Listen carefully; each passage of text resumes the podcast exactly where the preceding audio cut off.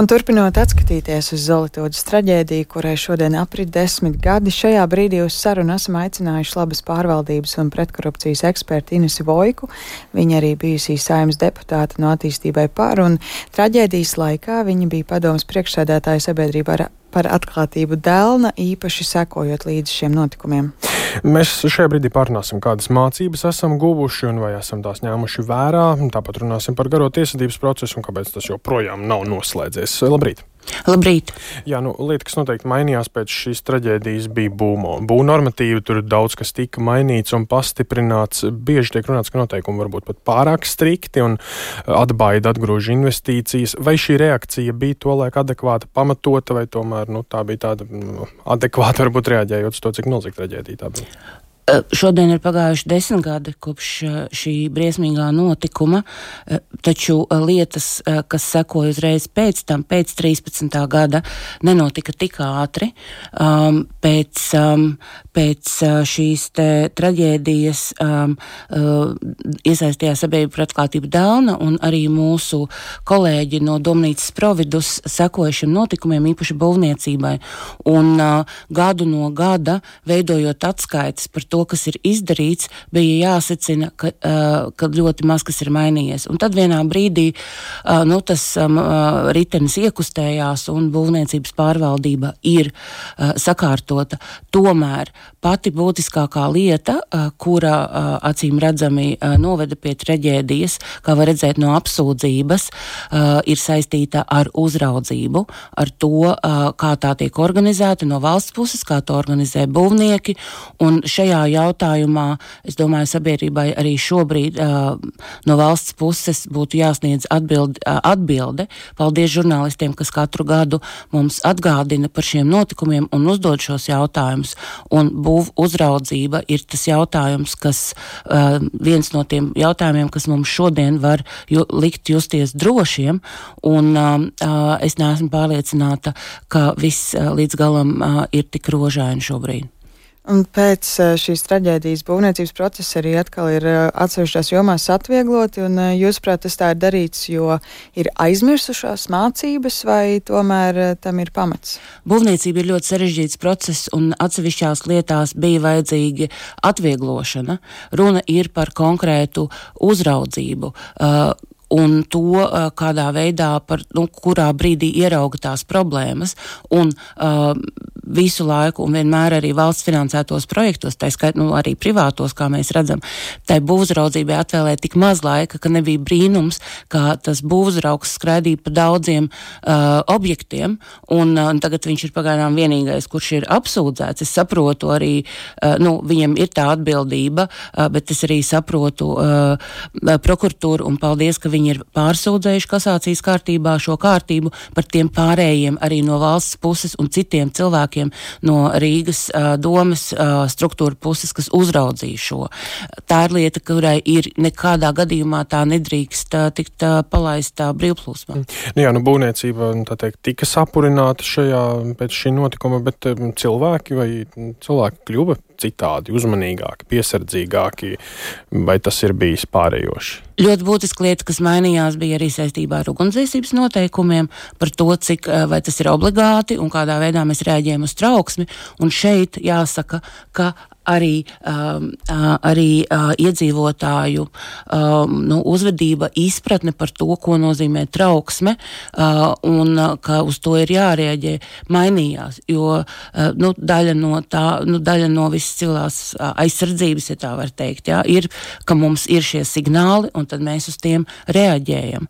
Uh, un uh, to mēs esam, es domāju, tagad pēdējā laikā novērojuši, ka uh, lielveikali tiek evakuēti. Es pagājušā vasarā, man liekas, vienā lielveikalā arī šo te piedzīvoju.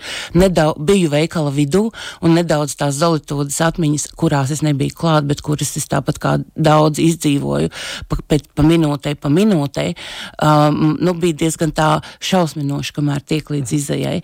Uh, ir uh, mainījies. Uh, tagad, protams, uh, karš kaimiņos mums liek uzdot uh, jaunus jautājumus par civilo aizsardzību tādā plašākā un citādākā nozīmē un uh, jautājumu, vai mēs esam gatavi, mums noteikti ir jāgatavojas vairāk.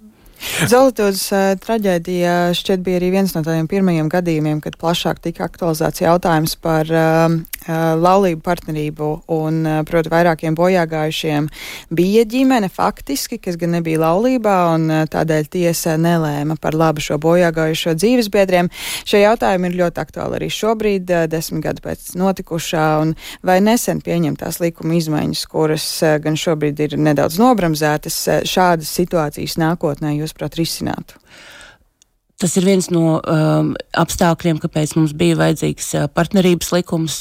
Un, uh, labi, ka šajā saimā ir izdevies to pieņemt. Gaidīsim, lai tas stājās spēkā.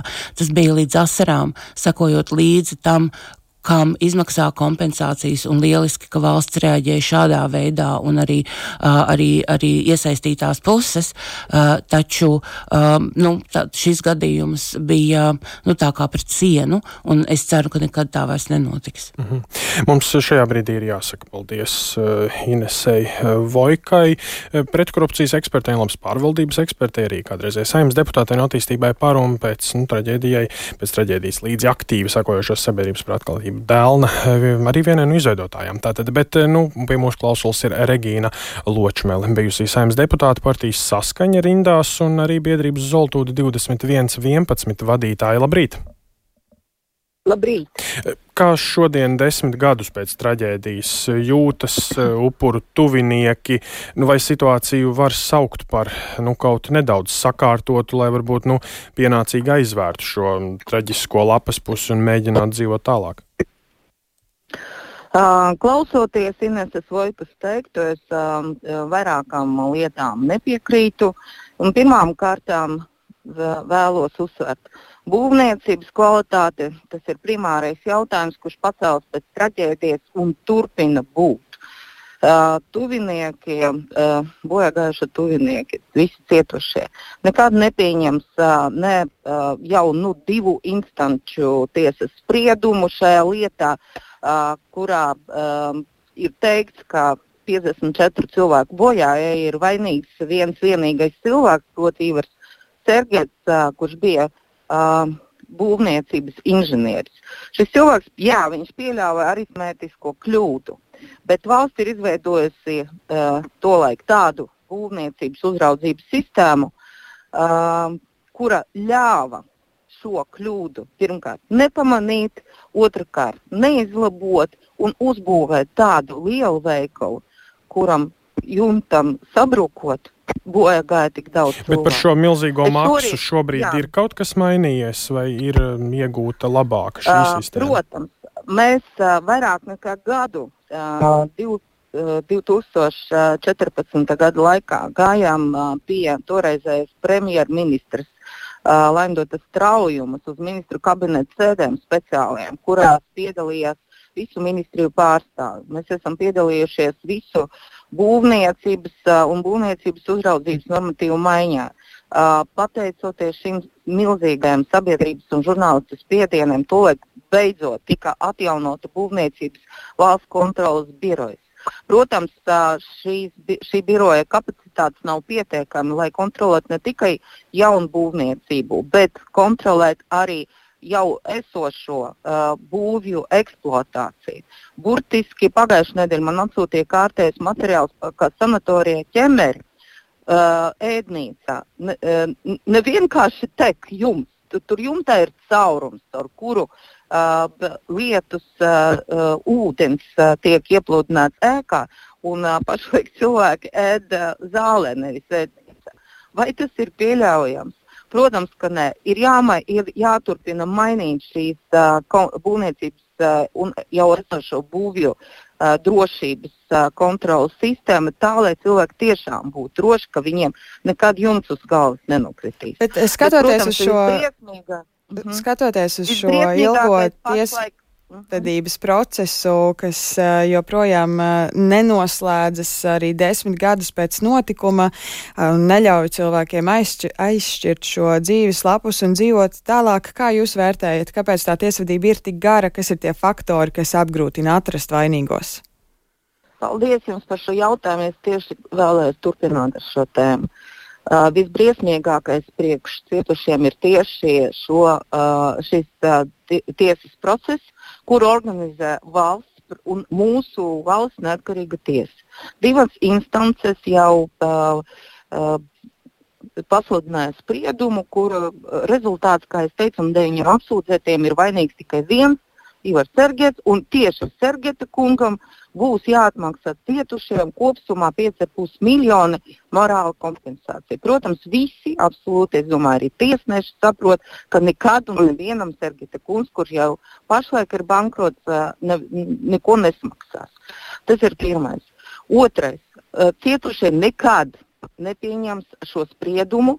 Kā jau teicu, nevar būt tā, ka viena cilvēka aritmētiskas kļūdas dēļ iet bojā 54 cilvēki. Pie vainas, kā no sprieduma izriet, ir valsts, kur izveidoja to vajag tādu būvniecības uzraudzības sistēmu, kas ļāva tādai aritmētiskai kļūdai kļūt par uh, visu Latvijas uh, kopš neatkarības lielākas pēc upuru skaita traģēdijas cēloņa. Nu, un... Mēs esam pārsūdzējuši, pašlaik uh, sagaidām augstākas tiesas spriedumu. Protams, un, tu... ja augstākas tiesas spriedums būs līdzīgs, ka divu instanču spriedums cietuši apstri, nevis apstrīdēs, bet jau vērsīsies pret valsts civiltiesiskajā kārtā, un pēc tam Eiropas uh, uh, cilvēktiesas uh, tiesība tiesā. Nu, protams, jā, Tas cietušie ir... un tuvinieki nav gatavi samierināties ar to, kāds ir šis iznākums tiesās. Šobrīd man ir jāsaka, šobrīd paldies Sviedrības Zolto 2111 vadītājai Regīnai Ločmelai. Jā. E, jā, šodien arī dažādi pasākumi, protams, gan Zoltudē, gan citviet